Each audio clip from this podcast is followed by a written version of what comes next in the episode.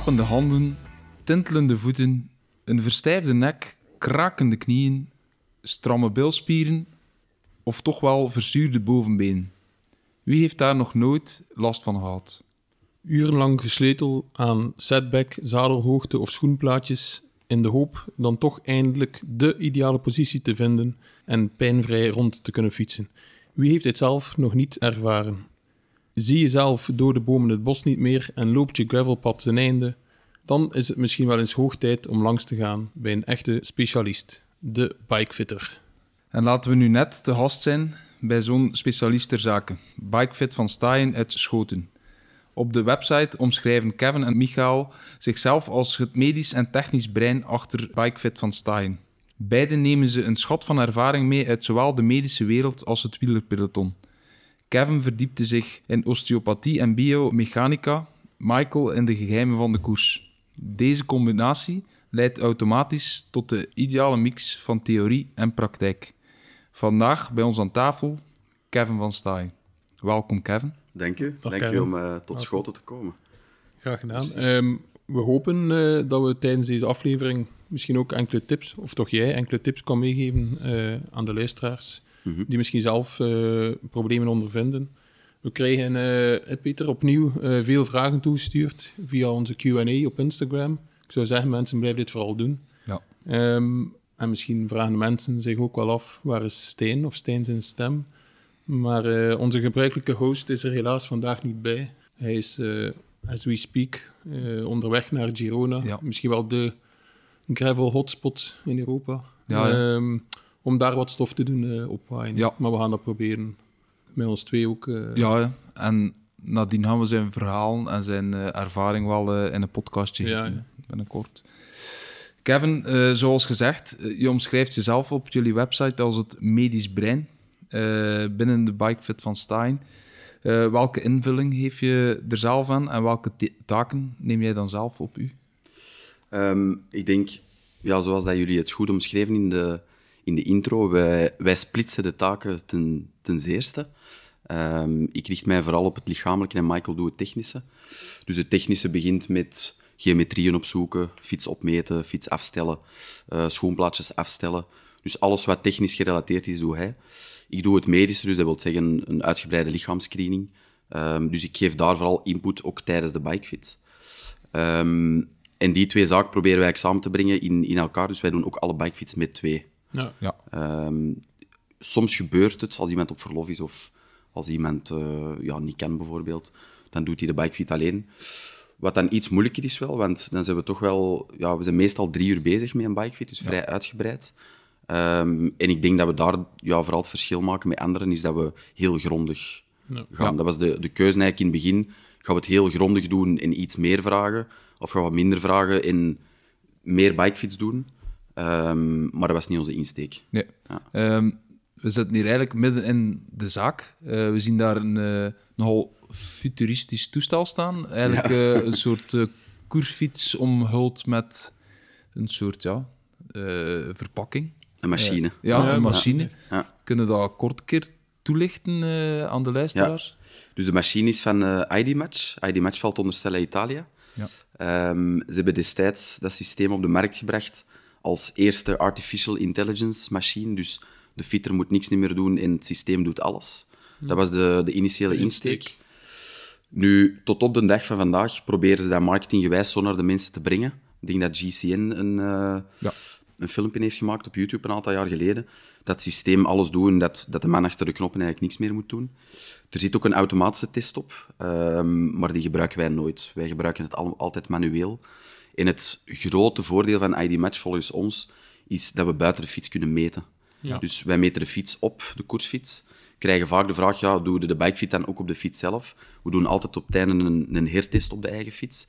Maar we doen de, de eerste bikefit op het systeem zelf. Ja, dat is misschien wel iets dat, dat jullie onderscheidt. Als ik denk aan andere bikefits dat ik zelf al gedaan heb of zo, dat was altijd op eigen fiets beginnen, op, op een trainer, hè, of op, op de rollen, zeg maar.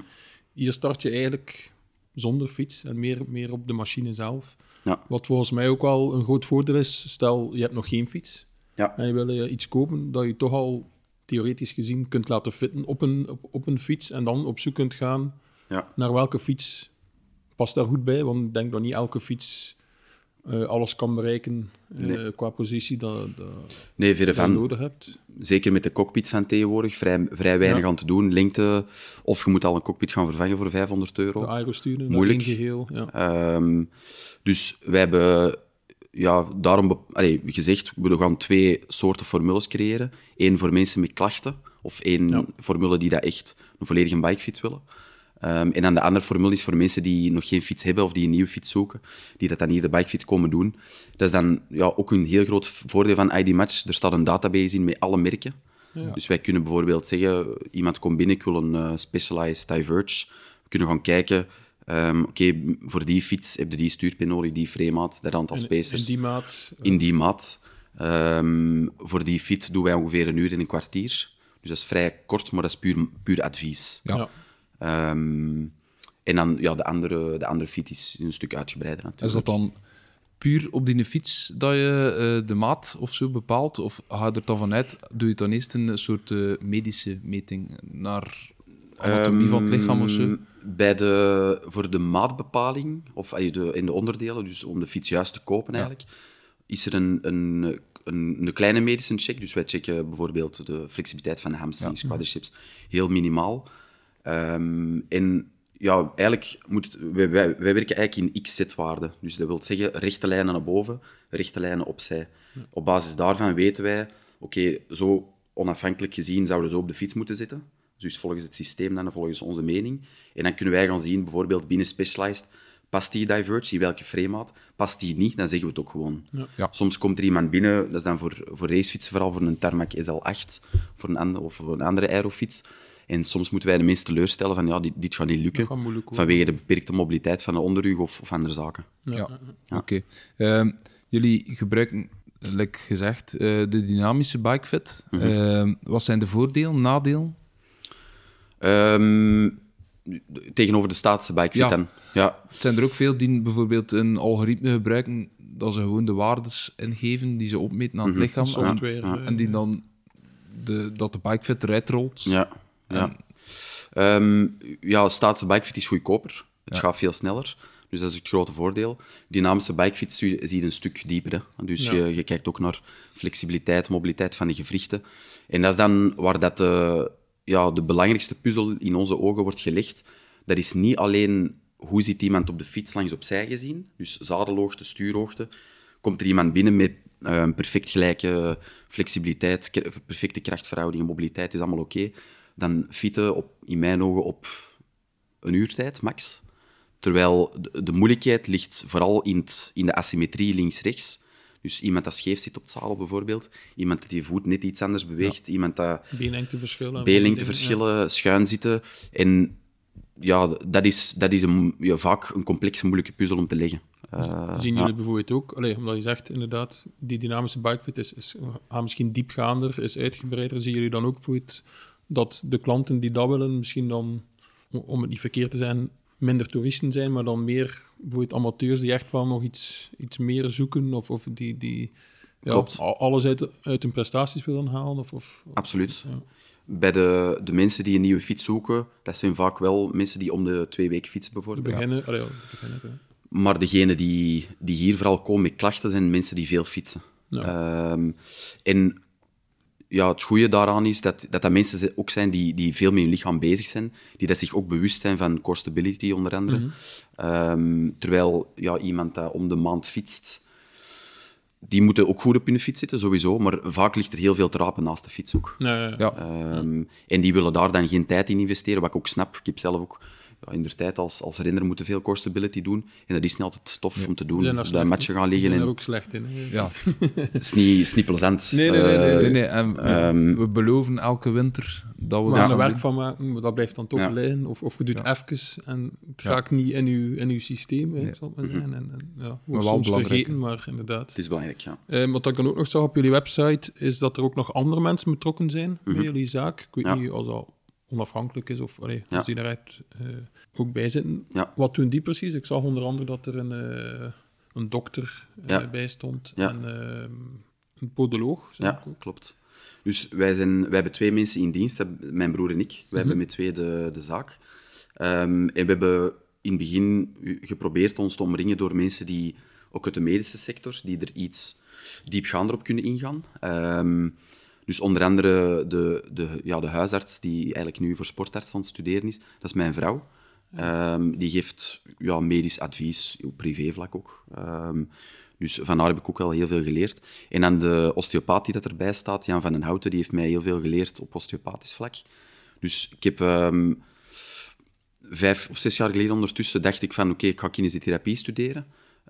met heel veel kinesisten gepraat, maar altijd gedacht, ik kan mij niet genoeg focussen op datgene wat nu binnen de fiets of binnen de bikefit belangrijk is. Het was te uitgebreid, ook osteopathie bijvoorbeeld. Dus ik heb iemand gezocht, of verschillende mensen gezocht, die, uh, die mij in privésferen konden, konden opleiden. Ja. Um, en dan ben ik bij hem en onder andere nog een, ja, een andere osteopaat, Jan Itzakos, terechtgekomen, die dan mij gedurende toch wel ja, twee, drie jaar onder de vleugels hebben genomen. En die mij heel veel zaken hebben geleerd. Niet om te behandelen, want dat doen wij hier niet, wij doen geen behandelingen.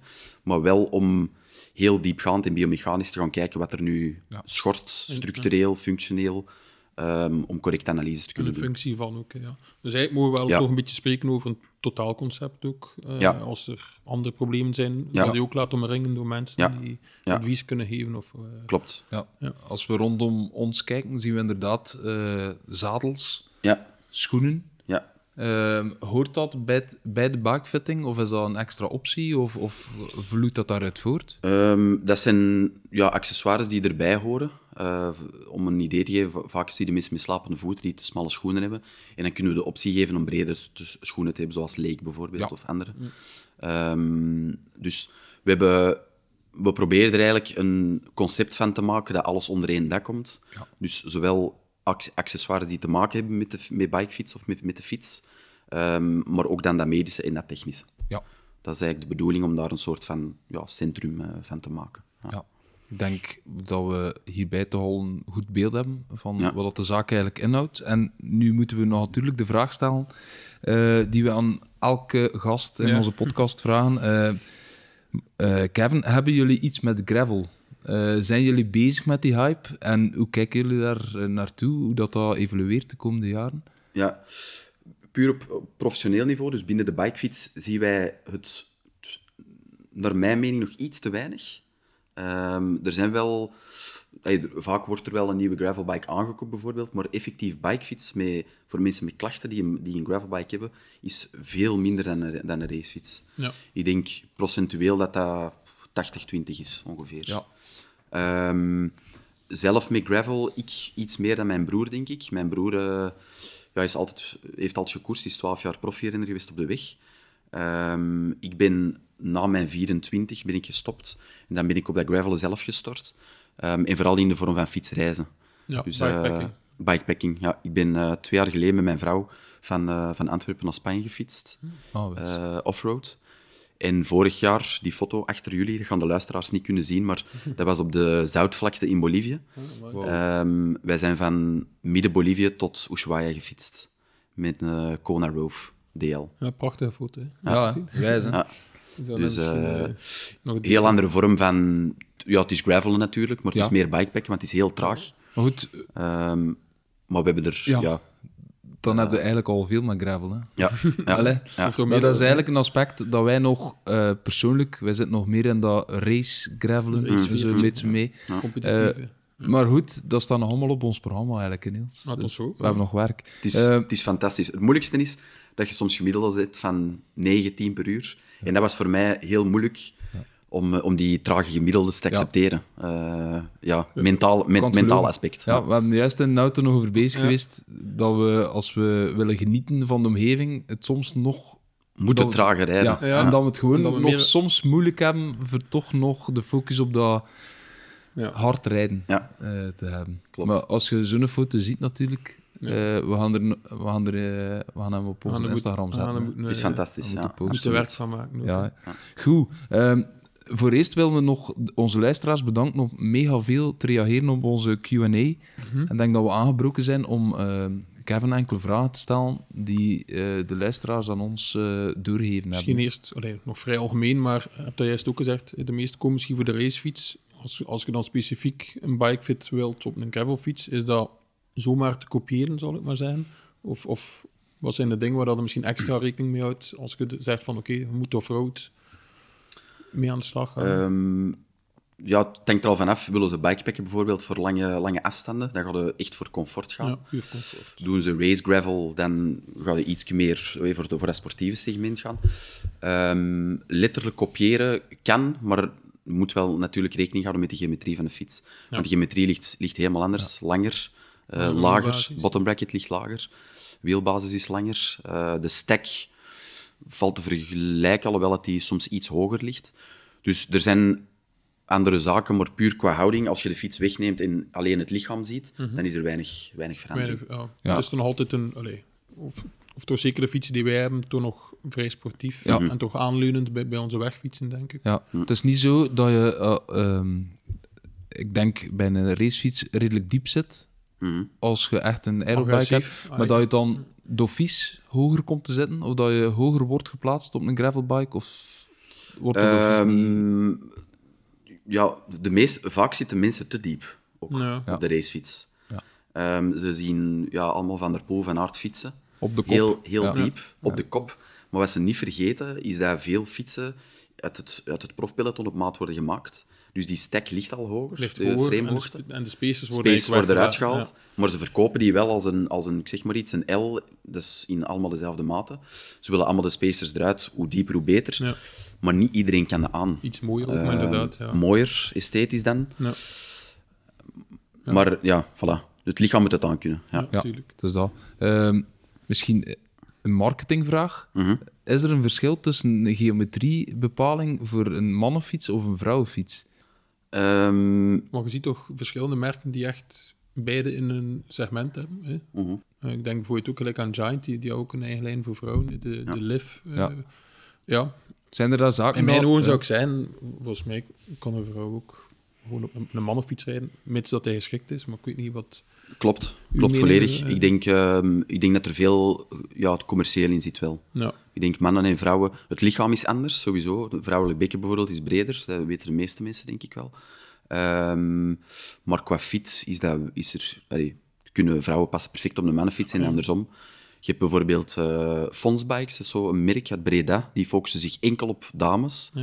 We zijn die geometrieën gaan vergelijken met andere fietsen, maar eigenlijk is dat, zit daar weinig verschil op. is dat vrij weinig Ik denk verschil. dat er dan misschien meer rekening mee gehouden wordt, ik dat zegt, met de breedte van het zadel. Ja. En, en, Ja. een, een andere bekken of, een bredere... En de kleuren, esthetisch. Ah, wel. ja, zoals lief. Dat ja. zie je inderdaad wel, dat er meer vrouw, allee, vrouwvriendelijke kleuren, zal maar zijn. Mhm.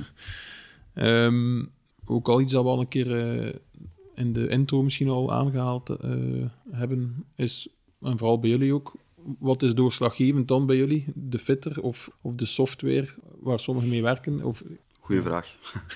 Ehm, ik denk, ja, technologie helpt enorm. Zeker in de toekomst. Ik denk dat technologie meer en meer gaat helpen. Ehm, het helpt ons ook in de, in de fit, maar ik denk dat de fitter nog altijd wel de eindbeslissing heeft. Ja. En dat de ervaring vooral ook bij de fitter zelf ligt. Iemand die eh Retool bijvoorbeeld gebruikt, Specialized, ja, en ook zo, je kunt daar ook goed mee fitten. Maar je moet wel weten wat je aan het doen bent. Je kunt niet blindelings op die cijfers vertrouwen, want dan zit er 9, van de 10 naast. We moeten dan misschien meer allee, Ehm. de software zien als het beginpunt bijvoorbeeld van een fit, samen met de medische screening. Die, die- Eh, ja, ja, en dan fine-tunen, maar Voilà. dan eigenlijk de input van de fitter zelf. Ja. Dus, ja, ja, klopt. dat eh, allee, Ja. lijkt me ook wel de sterkte ervan, Ja. van, van de software. En misschien ook een snel beginpunt om te zeggen, van, kijk, de software zegt dit, we zetten het klaar, Ja. en dan beginnen we aan te passen of zo. Ja. Dus is. software is onontbeerlijk. Je kunt Ja. niet zonder software fietsen in mijn ogen. Alhoewel dat er in Australië, de Neil Stanbury, dat is een vrij gekende bikefitter, ook zoveel veel filmpjes op YouTube. Ehm, die doet niks met, met software, die doet alles met zijn eigen ja. ogen. Ja. Kan, ik weet niet of dat, dat dan even accuraat gaat zijn, maar het is, het is beide. Het is Ja. de, beide Oké, zaken zijn heel Ik belangrijk. heb ook al de andere zaken gezien van enkel software, maar dan ja, moet je eigenlijk ook de vraag stellen van als je vijf personen hebt die een beetje hetzelfde zijn, Ja, dat is die zet, dan zet hij die vijf keer hetzelfde, maar dat is eh, totaal niet... Ja, En dat zien, we, dat zien we jammer genoeg. Er zijn, er zijn heel veel fitters. Er is geen erkende opleiding. Er zijn Ja. een aantal opleidingen, drie dagen, één dag. Ehm, maar ja, je leert het, denk ik, zoals met alles al doen. Het, ah, of al, ja, al, ja, eh, zeker. door, door het te doen. Ehm, omdat het, ja, het is echt wel complex. Uh, vaak, je kende vooral veel mensen die drie, vier bikefiets doen, die dan niet van hun klachten afgeraken en die dat vertrouwen verliezen in, in het domein. Bikefit. Ja, maar dat is waar. Ja. Ja. Ja, het is wel zo. Als je natuurlijk kiest voor een bikefitter, moet je er ook in geloven. hè. Daar moet je in geloven. Ja. Ja, is een band, allee, met het zijn soms ja. aanpassingen, aanpassingen die gebeuren aan je fiets. Ja. En als je het dan zelf thuis komt en het lukt niet in één Voilà. keer, Ja, en bent zet zelf. Ja, dat, En dat deed, ik, dat deed ik zelf toen ik vroeger... eh, ja, bij de, de gekendere bikefitters heb ik overal, ben ik overal geweest. Ik kwam thuis, ik ging fietsen en ik zette die fiets anders. Ja. Ja. Hoort dat ook veel. Jammerlijke toch, maar- Toch ja. regelmatig eh, bij profrenners, hè. Die zo nog een keer stoppen met een beetje... Ja, als er nu één conservatieve wereld is, natuurlijk, Ja. is het daar misschien. hè. En, want wij krijgen hier ook wel profrenners over de vloer. Sommige... Zeg maar wie dat al een keer geweest is. eh Maxime van Gils is hier geweest, een aantal weken geleden. Jens Reinders is hier vorige week Ja. geweest. Ehm, maar sommige zijn psychologisch Ja. te, te veel... mee- allee, ze, op den duur voelde alles. Ja, Eh, ja, ja, ja. voelde, voelde heel veel en, die, en ze blijven sleutelen. Ja. Veel is ook psychologisch. Ik moet zeggen dat ik daar zelf Ehm. ook soms last van heb. Als ik een keer een dag heb dat het niet goed gaat en je bent mee met en, en, oh, en je weet van, hey, normaal rijd ik hier vrij gemakkelijk mee of op kop. En die dag, het gaat niet goed en dat je bent te pezen. Allee, aan wat ligt dat hier? Is er iets aan mijn fiets? Mm. Ja. Is er iets aan mijn band? Eh, Ja. ja. Ik moet zeggen dat ik dat zelf ook wel al, Ja. al meegemaakt heb. Maar dan probeer ik toch te zeggen tegen, tegen mezelf van, blijf eraf, ben er niet Ja. aan te sleutelen. Ja. En maar bekijk het op... Ja. op eh, Dus ja, dat psychologische aspect is voor Ja. ons heel belangrijk, want we weten hoe dat, hoe dat renners denken, of rensters. We, we weten hoe dat, dat gaat. ook. We weten hoe dat, dat gaat. Dus we houden er ook wel rekening mee en we zeggen het ook gewoon. Tegen, Ja, eh, ja. tegen- als, we, als we een vermoeden hebben van er steekt te veel in het hoofd, dan proberen we wel te zeggen, probeer het aan te houden, een aantal tochten. En dan, en dan evalueren we. ja, Ja, Ja. het is dat. kan altijd bijgestuurd worden. Hè. Een, Ja. een quote dat we gekregen hebben van de luisteraars. ehm, geen pijn is een goede fit. Een goede fit is geen pijn. Kan Draait- het zijn... Draait het daarom? Of, of... Ik denk dat geen van beide klopt eigenlijk. Ja. Omdat geen pijn is geen goede fiets. Er zijn mensen die daar heel slecht op de fiets zitten, om het zo te zeggen, die dat geen pijn hebben. die geen pijn hebben, maar die gewoon geen, geen, geen efficiëntie eruit halen. Bijvoorbeeld. Nee, voilà. Het, Ik eh, denk, krachtoverbrenging Of... Ja, een voorbeeld is eh Geraint Thomas. Die, eh, ja, je mocht deze zijn zadel een centimeter of twee centimeter naar beneden zetten. Bij Michael trouwens ook mijn broer. Als hij zijn zadel vroeger twee centimeter te laag stond, die voelde dat niet. Die voelde, En die rijden ik ben gewoon. zelf ook een beetje zo, de- denk ik ook dat niet. En gelijk onze host, Stijn, als er een paar millimeter iets is, of aan zijn schoen, Ja. of zijn, eh, Ja. dan... Allee, Klopt. je merkt dat direct op. Bij mij is dat veel minder. Ik weet niet, bij u, Peter? Ja, ik voel dat toch ook wel. Ook vrij snel. Nu, ja. Maar ja, Ehm, als je nu ziet, eh, ik denk dat het enkele maanden geleden was, Chris Froome, Hmm. die al jaren op een verkeerd kader zou zitten.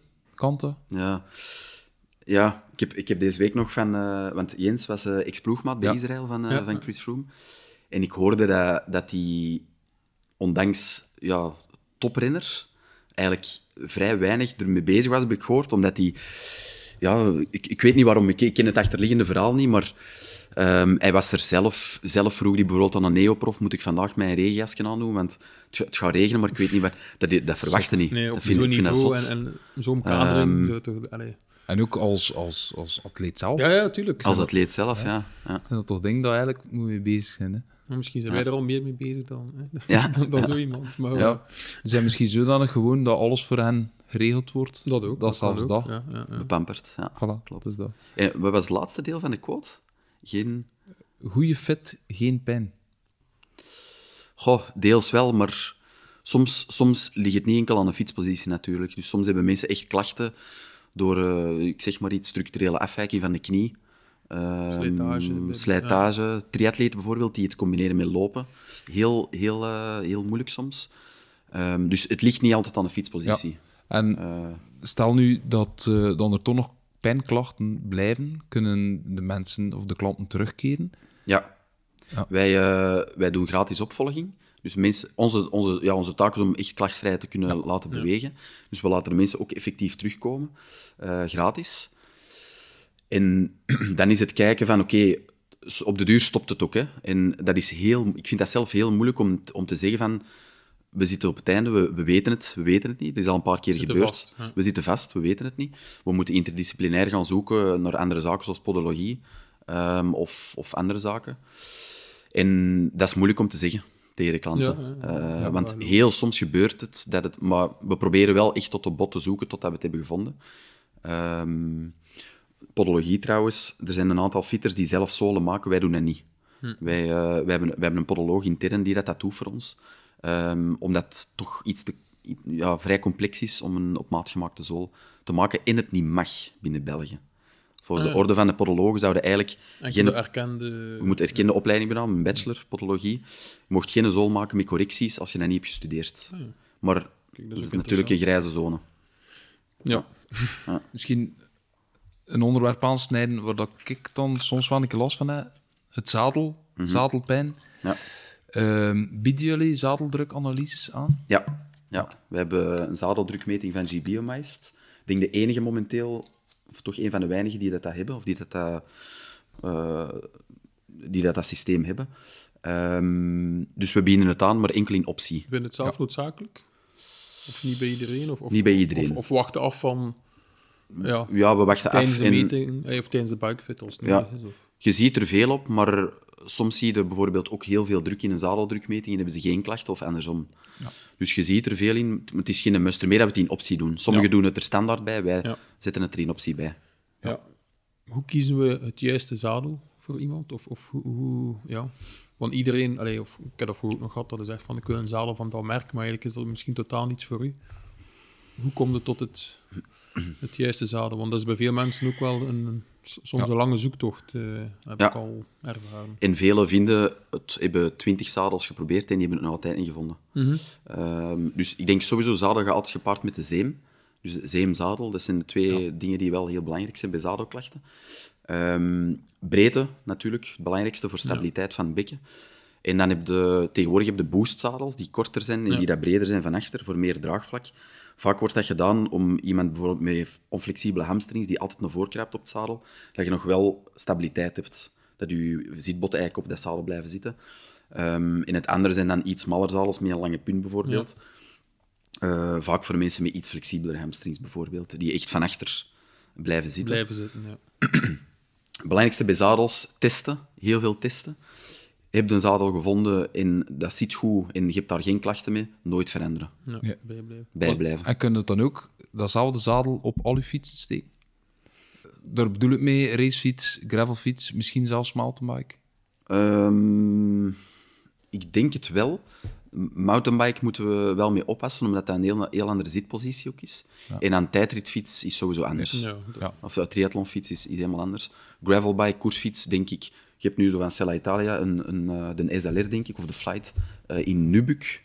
Dus dat is zo'n leder, een soort van dijnen eigenlijk. Mhm. Dat wordt in die, in die denk voor de, ja, in de trend van gravel dat dat zoiets Ja. eh, aparter is. Maar dat is eigenlijk krak hetzelfde zadel als, als de gewone Als de SLR of, of Flight. Dus. Gewoon een andere bekleding. Misschien iets ja. schipper naar eh, Ah, zo'n broeks, een Ja, broekzadel. een broekzadel ja, gezien, ja, ja. ja. Nou, ging dan nog vragen. Er was ook eigenlijk een vraag van iemand van, heeft het zeemvel ook een invloed? Ik eh, heb het zelf al aangehaald, blijkbaar wel. Hè. Heel belangrijk. Combinatie. Ehm, ja, wij, zien, wij zijn nu met iemand bezig die zeemer op maat maakt, omdat we dat willen integreren in de bikefit. Dus dikte van de zeem. Iemand die tochten van 4, 5, 6 uur doet, beter dikke zeem. Iemand die tochten doet van 1, 2 uur, flexibele dunne zeem. Ehm, breedte, lengte ook, voor, voor dames bijvoorbeeld, die worden iets meer, met iets meer padding gemaakt van voorrecht. Mhm. Omdat de meeste vrouwen een heel flexibel bekken hebben, dus die creëren meer druk van voor op het zadel Ook het intieme... eh, intieme gedeelte. Dus ja, zeem is heel, heel belangrijk. Ik heb dat zelf ook nog gezien, maar het was bij, bij een vorige fabrikant van onze kledij, inderdaad. Bij onze snelpakken was de zeem ook veel dunner. Veel en- dunner en- en gemaakt, ja. flexibeler. Ja, Ja, bij is- de tijdritpakken ook, denk ik. Ja, En dan denk- bij de gewone broek was het dan, wat ik dan zeg, een beetje dikker. Dat je inderdaad soms ziet dat je van die triathlon zeemvelletjes dan Ja. ze in van die aeropakjes liggen. Dat is super dun. Natuurlijk ook om te lopen, Ja, want ze lopen wel. er dan mee dat dat flexibeler Als is. je een halve pamper aan te lopen, nee, nee. is dat ook wel niet ideaal. Nee. We zien soms eh, de zadelpunten Allee, ten hemel gaan. De is tilt, misschien, De tilt is misschien eh, overdreven, maar eh, moeten ze waterpas staan? Of Ehm, st- ja, de startpositie bij ons is waterpas. En dan tilten we het soms een klein beetje naar beneden. Tot 1, 2, 3 graden. Natuurlijk zien ja, meer meestal niemand, dat schuiven, schuiven ze meestal naar voren. Eh, naar boven is echt uit een boze. ja, Wat Dat ik ook zelf al allee, toch gelijk een beetje de indruk heb van zadels, is dat bij veel zadels het achterste deel sowieso iets hoger is Mhm. dan het midden en het voor. Dus als je daar natuurlijk een waterpas op zet. Ehm, ja, Ik heb me ook al laten vertellen dat het soms beter is om te kijken naar het stuk waar dat er zit aan de voorkant en naar de dat ongeveer. klopt. Dat is, dat is meestal de achterste eigenlijk altijd zo'n beetje like, ja, Ja. een spoiler kunnen boven, zal ik maar zeggen. Ja. Dus inderdaad, van, van het midden van, van die zogezegde spoiler, Ja. waar dat die zitbotten zitten, eh vandaar kun je beginnen meten met de waterpas of met een Aan de gradenmeter. voorkant. En dan gaat je inderdaad naar de voorkant Ja. meten. Ja. Dus dat is misschien ook iets als je ja, een waterpas zet over Hansu-zadel, dat dat al, eh, eigenlijk al een groot verschil is dan, dan, dan Mhm. Ja. dat het op die manier doet. Ja. SM, SMP is er een uitzondering op, omdat die in, eh, zo in een curve, in een Ja, S inderdaad. Ja. Ehm, maar die hebben zo'n grote uitsparing. Ik denk, en die rails zijn 10 centimeter, dat is enorm lang. ehm, dat je eigenlijk in die kom kunt blijven zitten Daar zonder zit. druk te hebben van voor. Ja. Dat zijn wel heel specifieke zadels natuurlijk. Hè. Je ziet die soms rondrijden. Eh, een vriend van mij heeft die ook op al zijn fietsen. En die zegt van, ik zou nooit nog iets anders hebben, eh, willen hebben. Ik heb die ook een keer getest en ik vond er echt niets van. Sommige Ja, wel, ja, sommige niet. Vrij specifiek. Het, ook daar speelt het dan het esthetische weer. De meesten vinden het echt een gedrocht. en die willen het niet op, een, eh, op, op, op hun fiets zetten. Ja. Maar soms zien we wel eh, ja, enorme verbeteringen. Soms moet je kiezen wat dat nodig is voor je in plaats van... eh, Klopt. Maar Ja, het esthetische, maar oké, ja, het is ook soms niet, eh, niet altijd gemakkelijk. Stel, we hebben nu het juiste zadel gevonden. Mhm. Eh, hoe gaan we het gaan plaatsen op de fiets? Wat zijn de factoren die... eh, Ja. ik denk aan setback, de hoogte. Mhm. Ja, setback, hoogte en tilt, dat zijn de drie belangrijkste. Ehm, ja, moeilijk te zeggen, theoretisch dan, hoe, dat je, hoe dat je de hoogte bepaalt. Want je kunt naar je hoeken gaan kijken, bijvoorbeeld, en zeggen van, oké, binnen die marge moeten we zitten. Ehm, maar veel heeft te maken met flexibiliteit van hamstrings, quadriceps, eh, mobiliteit van de gewrichten. Dus daar houden wij rekening mee. Qua setback wordt altijd gemeten van de, van de trappas, Ja. dus recht naar achter. Ehm, wij meten meestal tot het 7 centimeter breedtepunt, dus dat is het midden van het zadel. Bij de meeste zadels, buiten bij Specialized. Specialized ligt, ja, dat zijn bijvoorbeeld Kort, eh, ja. Power Pro Mirror, Ja, die zijn heel kort en dik, dus die worden iets verder gemeten. Ehm, setback heeft te maken meestal ook met flexibiliteit van de spieren, maar ook eh, lengte van het bovenbeen bijvoorbeeld, dat Ja. soort zaken. Vroeger, en er zijn er nog een paar die dat doen, gebruikten zo de klassieke schietlood, Ja, om van, je, ja, van je knieën naar beneden te gaan. En dan zit je eigenlijk met je, met je trapper van voor in het, in het eerste kwart. Ehm, maar die regel gebruiken wij eigenlijk bijna nooit, omdat dat bijvoorbeeld ook volledig overboord wordt gegooid bij, bij mensen met heel flexibele quadriceps of op een tijdritfiets. Ja. Komt er Die zitten voor. altijd voor, dat punt. Ja, dat komt dus er altijd voor. ehm, ja. Eh, bestaan er specifieke gravelzadels momenteel op de markt? Of is het ook weer marketing? er bestaan er. Het is ook marketing, zoals eh, die Nubuck van, Nubuck van Sella Italia. Ehm, je, hebt er, ja, je hebt er een paar, maar veel, veel is marketinggewijs Ja. in mijn ogen. Dus, ja. En vrouwenzadels en mannenzadels? Zie, zie je daar?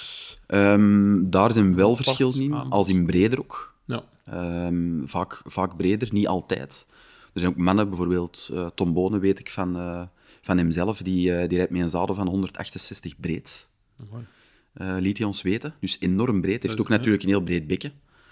Ehm, en ook Specialized dan weer bijvoorbeeld, die hebben ook zadels tot 170 breed. Hmm. Ehm, in de Power met eh, Mimic, denk ik, dat is een vrouwenzaal, die worden heel Ja. zacht gemaakt van voor. Die zijn tot ja, 168 mm, denk ik. Ik zit zelf op een van 136, denk ik. Ja, Ja, het meest voorkomende wel. 38, Het 120, meest voorkomende. Ja, ja. Ja. Goed. Eh, een vraag van een trouwe luisteraar. Eh, verandert de zadelpositie iets aan het stuurgedrag?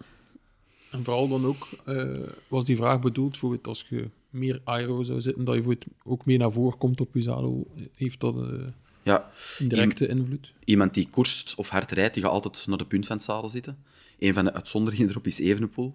Die gaat als die klimt, van achter, blijft hij van achter op het zadel zitten. Terwijl de meeste kruipen echt heel hard naar voren. Ehm, heeft dat dan een invloed op het stuurgedrag? Ik denk vooral qua, qua druk wel, want hoe dichter je tegen de trappas zit, hoe meer eh, druk dat je op je handen krijgt en hoe meer kans tot slapende handen. Ja. Ehm, het belangrijkste qua stuurgedrag is ja, lengte van de cockpit of de stuurpin. Dus hoe korter dat je daar gaat, hoe agressiever dat je stuurt. Ehm, Is dat iets de- om rekening mee te houden? Als je zegt van, kijk, die, die rijdt heel veel in, in een zeer agressieve positie op zijn koersfiets. Bijvoorbeeld, er gaat misschien meer zijn in ons circuit, bijvoorbeeld bij, bij de nevenbondkoers een uur en een half. Bijvoorbeeld iemand die een uur en een half in zijn beugels rijdt. Mhm. zouden dan Anders fitten. daar rekening mee houden dan, dan Ja. iemand dan misschien meer. Oh, je ziet dat bij ons ook. Man die, die bijna de hele koers gewoon op de shifters rijden, bijvoorbeeld. Eh, Dat Ja. is toch een, Dan fitten we wel anders. ja, Dat is een andere positie. Ja. Dat kun je misschien afleiden uit intakegesprekken. Of, of- Het intakegesprek, wat de doelen zijn, uiteraard. Iemand die heel er- ja, een heel jaar criterium rijdt, bijvoorbeeld. Ja, wel, voilà. Die, die Vooral ziet anders. wel, Ehm. Of iemand die heel de tijd klimt, Klimt, bijvoorbeeld. Fiets gaat omhoog, zadel gaat omhoog. Dus ja, een heel andere fit ook. Ehm, en dan heb je ook zoiets eh, rond stuurgedrag, de breedte van de shift, of de, hoe dat de, de remgrepen naar binnen staan, dus de shifters. Ja. De UCI-regel nu van 10 graden. Er is nu een tool op de markt gekomen die, die, dat wij, ja, die dat deze week er zit aan te komen, voor dat te meten effectief. De vraag is altijd, gaan ze het meten? Dat is altijd eh, met die regels. Ik weet het niet goed, maar ik vind op zich geen slechte trend, want de meeste, bijvoorbeeld nieuwelingen, junioren dat wij zien, die, ehm, ja, die rijden echt volledig met hun remgrepen naar binnen, zoals eh, Van Schip, eh, die doet dat Ja, ook, en, ja, ja. en Kampenaerts. Ik heb er met Kampenaerts ooit een gesprek over gehad, en qua stabiliteit is dat in mijn ogen veel minder, want je zit ja, letterlijk met je handen heel dicht tegen elkaar, dus je gaat veel minder stabiliteit in de bochten hebben. Ehm, dus ik vind geen slechte trend. We zijn nu dat ze misschien een beetje overgeschakeld naar eh, het thema stuur of, of Ja. stuurpennen of sturen. Dus inderdaad, dat was ook een van de vragen ja, over die UC-regel. Maar kijk, we hebben ondertussen nu mening daarvan gehoord. Ja. Ehm, het is eigenlijk een trend waar we, dat we zelf ook wel eh, aan meedoen Ja. eigenlijk. Hè. Ons shifters naar binnen zetten. Natuurlijk, ja, ik, ik heb een, een vrij breed stuur, ik denk 44. Mhm. Maar ja, we kennen ook mensen uit onze eigen ploeg bijvoorbeeld, die al een heel smal stuur hebben, die ze ook nog een keer naar binnen zetten. Ja, die rijden bijna Hm. in een tijdrithouding, zal ik bijna zeggen. Ja, maar Dus, het is, ja. ik zou er toch niet graag achter zitten in een bocht. Nee. Achter, Nee, jawel, ja. Achter die mensen. Als, als ze, En ik begrijp van waar dat de reden komt, want ja, het licht, uw, uw pols ligt neutraler natuurlijk. Hè. Dus Mhm, ehm, ik begrijp het wel waarom dat ze het doen, maar ik ben toch geen voorstander van in bochten. maar en ook misschien een verschil als je het doet op een, op een voldoende breed stuur, dan als je de combinatie nog een keer maakt en een smal stuur Ja. en nog een keer. Ja, dat is Dus heel Ja. extreem al, hè, natuurlijk. Wat dan we nu wel zien bij de eh gravelsturen, is de flair die ze maken. Mhm. En als je dan je shifters eh, meezet met het stuur, dan ze automatisch wel Staan ze ook naar binnen. al een beetje gekanteld Ja. staan. Dan is het stuur te breed, eigenlijk, als je ze recht zou zetten. Ja. Ja. Ja. Dus dan staan ze inderdaad wel naar binnen. Ehm, en dan komt de meestal... Want de meestal met de flare theorie is hij toch 48 onderaan, denk ik, center-center. Dan komt er van boven ongeveer op 42, wat, wat het dan goed maakt, eigenlijk. Ik vind dat Ja, eigenlijk wel ook, ook goed. Allee, al- als dat nodig is, dat je veel stabiliteit hebt, kun je in de beugels terecht. Dan Ja. zit het breder, heb je meer stabiliteit. En Ja. is het bijvoorbeeld een keer een stukje weg en veel wind en je wilt een beetje meer aero zitten, zit er van boven dan wat smaller. Dus Ja, dat. Ja. En fitte dan op een andere manier eh, een gravelstuur? Uh, fitte dan op de beugels of fitte dan op de shifters? Eh, wij fitten altijd in de remgrepen in de beugels. Ja. op de twee manieren. Op- op- Ja, dus wij doen altijd twee verschillende testen. ah, ja. ah, toch? Ja, ja. En dan ook afhankelijk van iemand die heel recreatief rijdt, die zit meestal alleen in de remgrepen, dus die moet niet per se in die beugels kunnen. Allee, ja, ja. In principe wel, maar die gaan er ook niet veel in fietsen. Is ehm, slapende handen, is de oorzaak erbij te vinden in het stuur? Of eh, heeft dat nog andere, andere oorzaak? Plaatsing van Ehm, shifter. Of, Plaats in shifters is belangrijk, stuurhoogte is belangrijk, de rijkwijde van het stuur, dus hoeveel dat je stuur staat is ook belangrijk. Ehm, setback van het zadel, dus hoe dichter je zadel op ja. je trapas, hoe meer dat je lichaamsgewicht naar voren gooit Ja, en hoe meer druk. meer druk. En dan wat wij ooit hebben gezien, is wel, was heel interessant. Iemand kwam hier met twee fietsen. Twee exact dezelfde fietsen, exact hetzelfde afgesteld. Op ene fiets Shimano, andere fiets SRAM. En met ene fiets had hij slapende handen en met de andere niet. Ook de stond- vorm bijna van de. Ja. Allee, de, ja. En dat is moeilijk, hè, want ja, wij kunnen moeilijk... ik heb mij er zelf nog niet verdiept, omdat het moeilijk is om te zeggen tegen iemand, ja, je moet je remgreep gaan veranderen. Dat gaat gewoon niet. Of, ja, of een fiets Maar- met Shimano in plaats van... Ja, Ja. Dat is ook... Ja. Maar ik vind wel, de GRX-groep van Shimano Mhm. is... Ik vind, ze te- ik vind ze heel, heel groot en lang. Ik heb zelf kleine handen. Voor mij zijn die te groot. Peter, Ik misschien? moet zeggen, ik eh, rijd op mijn eh, Canyon Grizzle rijd ik met de GRX 800. Hm. En die zijn groot en ver. Hm. En nu heb ik eh, eh, de nieuwe grill aangekocht. En dat is de GRX Di2. Mhm. Met die kortere... En die Ja. zitten echt... eh, allee, die maken een kleine loop, zo gezegd, in, eh, waar Ja. je je hand kunt insteken. Ja. Dat is toch een ganz anders gevoel. Ja, ja. Allee, ik moet zeggen... Ja. te- allee, het is nu een keer of vijf, zes dat ik ermee gereden heb. Het is toch gewoon gewoon, inderdaad. Mhm. ja. Maar dan zie je ook het verschil tussen bijvoorbeeld eh, een Ultegra shifter ten opzichte van de SRAM Red. Ja. Dat is ook een groot Bij mijzelf eh, is het ook een heel goed verschil. Op, mijn ene fiets heb ik eh Ultegra op mijn wegfiets. En toen op mijn, eh, op mijn gravelfiets zit ik met SRAM. Ja, dat gevoel is al helemaal anders. Ja. Ik heb er nu geen last van, maar... En 12 speed Ja. is nu langer gemaakt nog dan 11 speed. Eh, Dus, en dan in combinatie met de stuurreach, ook een belangrijke. Ja, ja, ja. Zo de, de lengte van de bocht van je stuur eigenlijk. Wordt ook vaak bij aerofietsen, heb je soms een reach van 100 mm, wat heel lang is. Moeten we rekening houden met de stuurpin. de lengte. ja. Ja. Goed. Ik denk dat we het er juist ook al aangehaald hebben. Ehm, hoe belangrijk is de kranklengte? ja, Is korter beter voor gravel of zou de eerder langer opteren? wij krijgen heel vaak die vraag, is, want er is de trend van kortere cranks. Ehm, al, al, ja, al jaar en dag, kortere cranks is beter, kortere cranks is beter. In mijn ogen niet altijd. Eh, het hangt er vanaf, van, van individu tot individu. Ehm, de enige manier om het te, te weten is, is om te meten. Ja. Ehm, en iemand bijvoorbeeld met beperkte heupmobiliteit in, in flexie dan, dus in buiging, die gaat met kortere cranks wel meer eh, baat hebben dan met langere cranks. Ehm, belangrijk ook om te weten is, met lange cranks gaat je, gaat uw heup ook vrij klein worden. Dus je moet eigenlijk over dat doodpunt dat, dat je van boven hebt. En op dat punt, dat is iets technischer, maar gaat je je gluteus meer gebruiken, dus je gluteus maximus, dus de bilspier. Iemand die heel zwakke bilspieren heeft, die gaat daar altijd een dood punt hebben, omdat die er niet over geraakt. En die gaat dan Ja. overcompenseren met de quadriceps, misschien Ja. kniepijn tot gevolg. Dus het hangt af van individu tot Ja, individu. dus- wel, wij hebben in onze ploeg een Paralympiër, eh, Louis Ja. Klinke. Oké. En ehm, jij is toch moeten overschakelen inderdaad op heel, korte kort? Ik denk Ja. 155. Ja, Dat van hij rotor waarschijnlijk. Ja. En dan voelde hem daar echt veel beter in. Omdat ook, de- ook, allee, zijn beperking zit ook in zijn been. Ja. Dus allee, Ja. hij moet daar zeker eh, allee, Ja. maken dat dat, dat, dat goed Ja. is. Hè. Het moeilijke commerciële dan, en dat is dan de, ja, de werking met de fietsenwinkels. 165 bij Shimano is gewoon niet te krijgen. Ja. Eh, dus als je iemand zegt hier, ja, je hebt 165 mm cranks nodig, dan ga je vaak naar rotor moeten kijken, Ja. Ehm, omdat dat compatibel is. En dat is, dat is het moeilijke, hè, want wij werken dan samen met, met verschillende fietswinkels voor, voor een fiets. Ehm, ze zien het niet graag komen, want standaard komt die fiets binnen in een M met 172,5. Als wij dan zeggen, er moet 165 op. In sommige gevallen moet het, hè. Allee, kunnen we niet Ja, anders dan dat te zeggen. Maar we weten ook wel dat, dat het moeilijk is om, om dat vaak te veranderen, want dan ligt die 172,5 op het schap. En ja, ik denk dat die mensen Moeilijk. ook liever hebben, hoe- eh, als de fiets wordt geleverd, ja, dan zijn ze ook een, eh, naar buiten brengen, zal het maar zijn. Hè. Ehm, ja. de vraag van 1 miljoen. Allee, wij zijn er ook al een tijdje over bezig. Op, op onze gravelfiets wisselen wij... Ik, ik fiets in de winter met uh, mountainbike pedalen, omdat ik met mijn gravelfiets ook op het strand rijd. En vanaf nu ongeveer schakel ik over naar koerspedalen. Nu, heeft dat een invloed op je zadelhoogte? Ja, hè. enorme invloed. Ja, toch. Stack height De van de uw- pedaal zelf. van je pedalen is... ehm, ja, de vergelijking bij, bij, bij racepedalen bijvoorbeeld, Speedplay of Shimano is al een heel groot verschil. Ook met, met gravelpedalen er zit enorm veel verschil op. Ja, dat kan soms 6 mm zijn. Ja. Dat is wel enorm. Ja, dus zeker iets om mee rekening te houden. En dan komt er nog eens bij de dikte van de schoen soms. Ja. Dus iets moeilijker ja. te meten, maar de dikte van de, le- van de leest van de schoen is vaak ook, geeft ook verschillen. Ja, dat, dat is misschien nog moeilijker, inderdaad. Dat is Eh, vrij moeilijk. Ja. Het was zo, het, het was Stijn die, ehm, ik denk deze zomer overschakeld was ehm, van Specialized schoenen naar ehm, Shimano schoenen. Hm.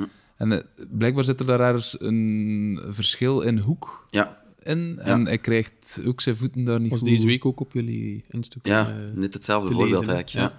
Ja. Ehm, Specialized schoenen, de, de Torch denk je dat dat is, die hebben de curve van die, van die leest is veel eh, groter.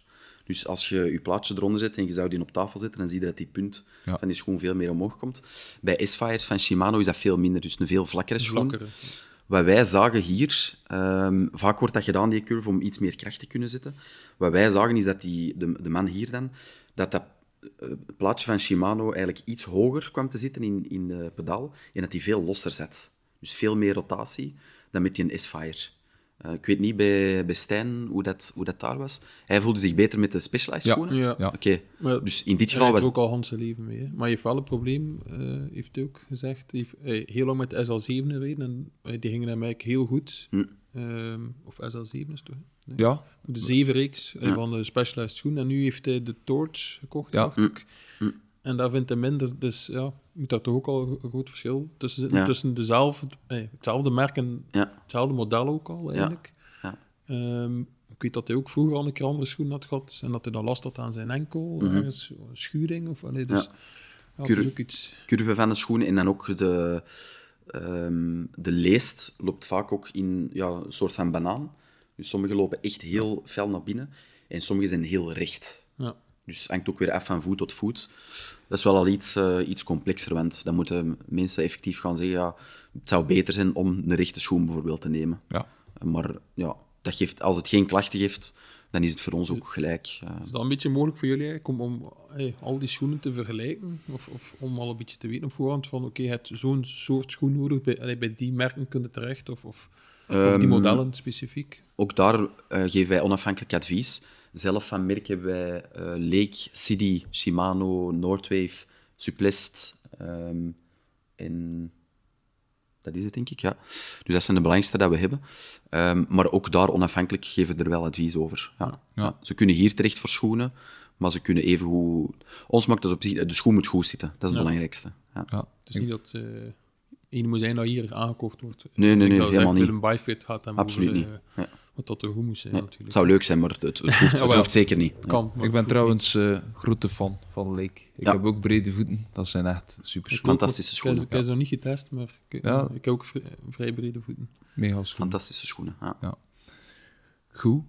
Is dan zo, wij veronderstellen eh, tijdens de bikefit worden de schoenplaatjes goed geplaatst. Ja, Ehm, kunnen de klanten dan bij aankoop van eh, in de toekomst nieuwe schoenen hier terug terecht om een schoenplaats te zetten? Of kunnen zij dat eh, eigenlijk eh, overnemen thuis en ze zelf plaatsen? Ja, de lengte is niet moeilijk om, te- om terug op dezelfde lengte te zitten, want die geven mee. De rotatie is iets moeilijker soms. Ga je Dus, af van de voorkant van de schoen? Of, of ehm, echt, dus voor de lengte ja, wij gaan eigenlijk... Nee, van de achterkant van de de schoen. achterkant? Ja. Ah, oké, dat Ja. zou ook wel iets zijn. Van de achterkant. Misschien verkeerd zou doen. Ja. Wij, hebben de, ja, wij hebben er onder andere een tool ook van, van ID Match van. Dus met een laser is dat. Dus we, hebben, we kunnen daar de rotatie heel, heel nauwkeurig mee zetten. Zonder tool is dat moeilijker. Ehm, dus meestal vragen we wel, als, als ze hun schoenplaats willen laten zetten en ze willen het goed zetten, dan dat ze, dat ze even terugkomen. Moeilijk soms, want ja, we hebben soms mensen van, ja, verspreid over Vlaanderen, Ja. soms Wallonië ook. Dus Speciaal daarvoor naar hier. Ja. Ja. Het is soms wel waard, denk ik. Want het was ook een vraag van iemand van... Kan ik dat überhaupt zelf doen thuis? Ja, hoe precies hoe Mhm. precies dat is dat het dan dan? gebeurt. Ja. Ja. Het is ook... Ik denk dat het gevaarlijk is om Ja. misschien zelf aan te prutsen. Ja. Veel bikefitters, eh, of toch die waar ik vroeger ook al een keer geweest was, geven dan ook wel de optie. Stel, je koopt een nieuw paar schoenen, dan moet ik gratis passeren. Ja, voor- en dan ja. Mhm. zetten we die wel... ja. Is dat bij jullie ook het geval? Of, Ehm, wij vragen of een kleine? eh 25 euro. ja, ja. ja, Ja. oké, ja. En dan laten we ze hier nog eens fietsen. Nou ja, Eh, kijk, ja, dat is dan en- iets extra weer natuurlijk.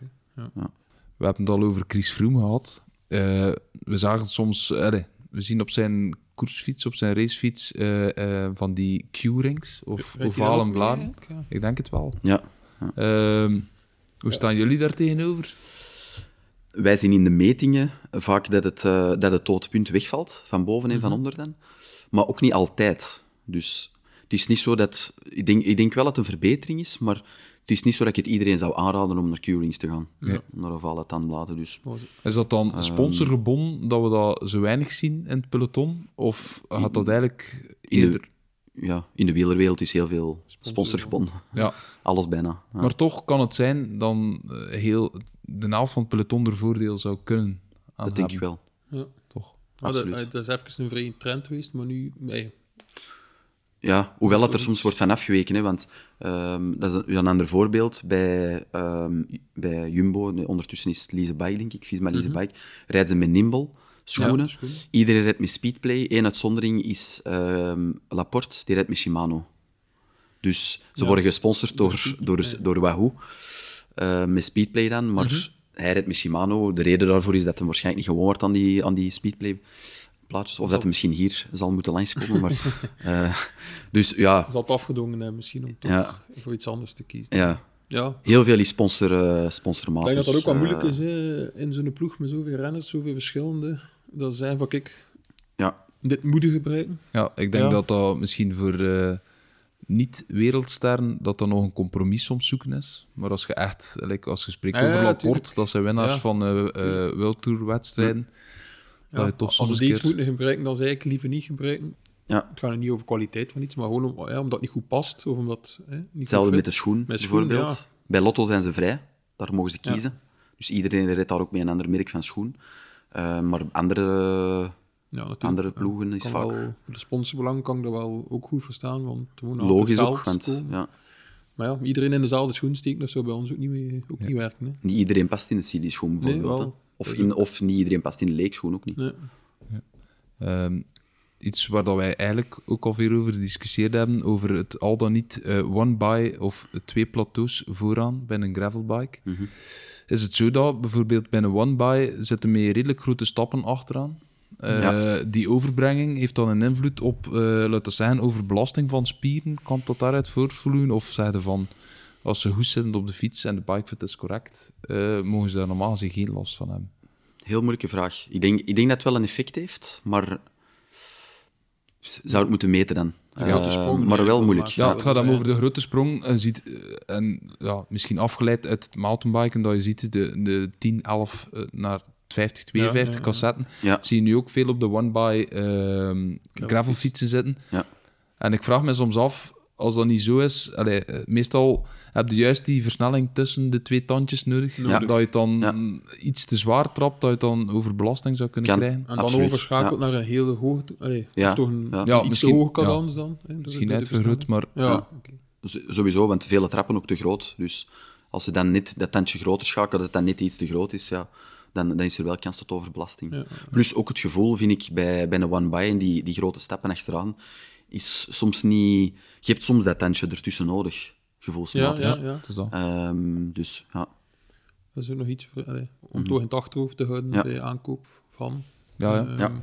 En dan ja, misschien nog iets algemeen ook. Eh, het is ook al een keer kort aangehaald. Hoe belangrijk is een goede core stability in het ganse fiets- of bikefit verhaal? Of, eh, heel, heel belangrijk. En het belangrijkste erbij is, ja, wij hebben, zelf werken wij met een applicatie waarbij wij oefeningen meegeven, dus zijn basisoefeningen voor thuis.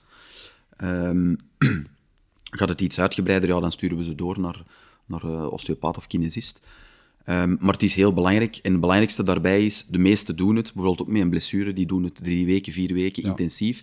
En dan doen ze het niet meer en zijn ze het beu. Het belangrijkste, be- naar onze mening, is dat je het beter dan één keer of twee keer per week doet, een kwartier, dan één keer of twee keer een uur. ja. Want dan, dan velen geraken het beu. Dus dat je het volhoudt eigenlijk. Dat is, Ja. het, dat is het, eh, het allerbelangrijkste. En dat heeft ook een grote invloed dan echt op de fit zelf. Absoluut. Mensen die, die Ja. heel... Buikspieren. Ja. Buikspieren, heel belangrijk. Beelspieren. Buikspieren en beelspieren zijn eigenlijk... ehm, zijn allemaal belangrijke spiergroepen, maar dat zijn wel twee vrij belangrijke spiergroepen. Ja. Ja. Goed. Ehm, en dan nog iets dat, dat ik lees bij onze voorbereiding. Ehm, als je dan iemand wil fitten, gravel geweest, hoe, hoe zit de balans tussen aero en comfort? Ik denk dat je, als we spreken over een gravel race, dat we rap naar 150 kilometer gaan, dat gaat hem tussen de 4 uur, 5 uur, soms 6 uur op de fiets.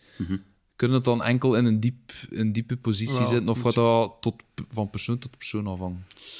Eh, wederom van persoon tot persoon. Het belangrijkste is, ja, je hebt eigenlijk zo de, de gouden driehoek.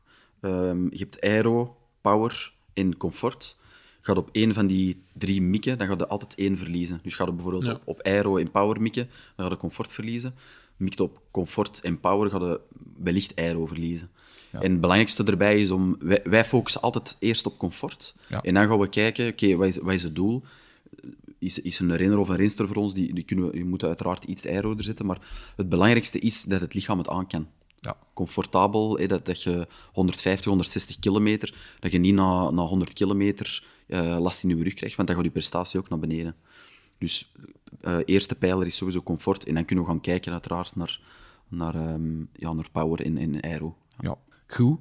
Ik denk dat we gaan bijna gaan afronden, eh, Kevin. Nu nog één vraag eh, voor u. Zijn, is er eigenlijk een tip, eh, een, een bedenking dat je maakt, aan, dat aan onze luisteraars kunt meegeven, waar, dan, waar dat er te weinig aandacht voor aan geschonken wordt, maar dat echt heel belangrijk is binnen BikeFit?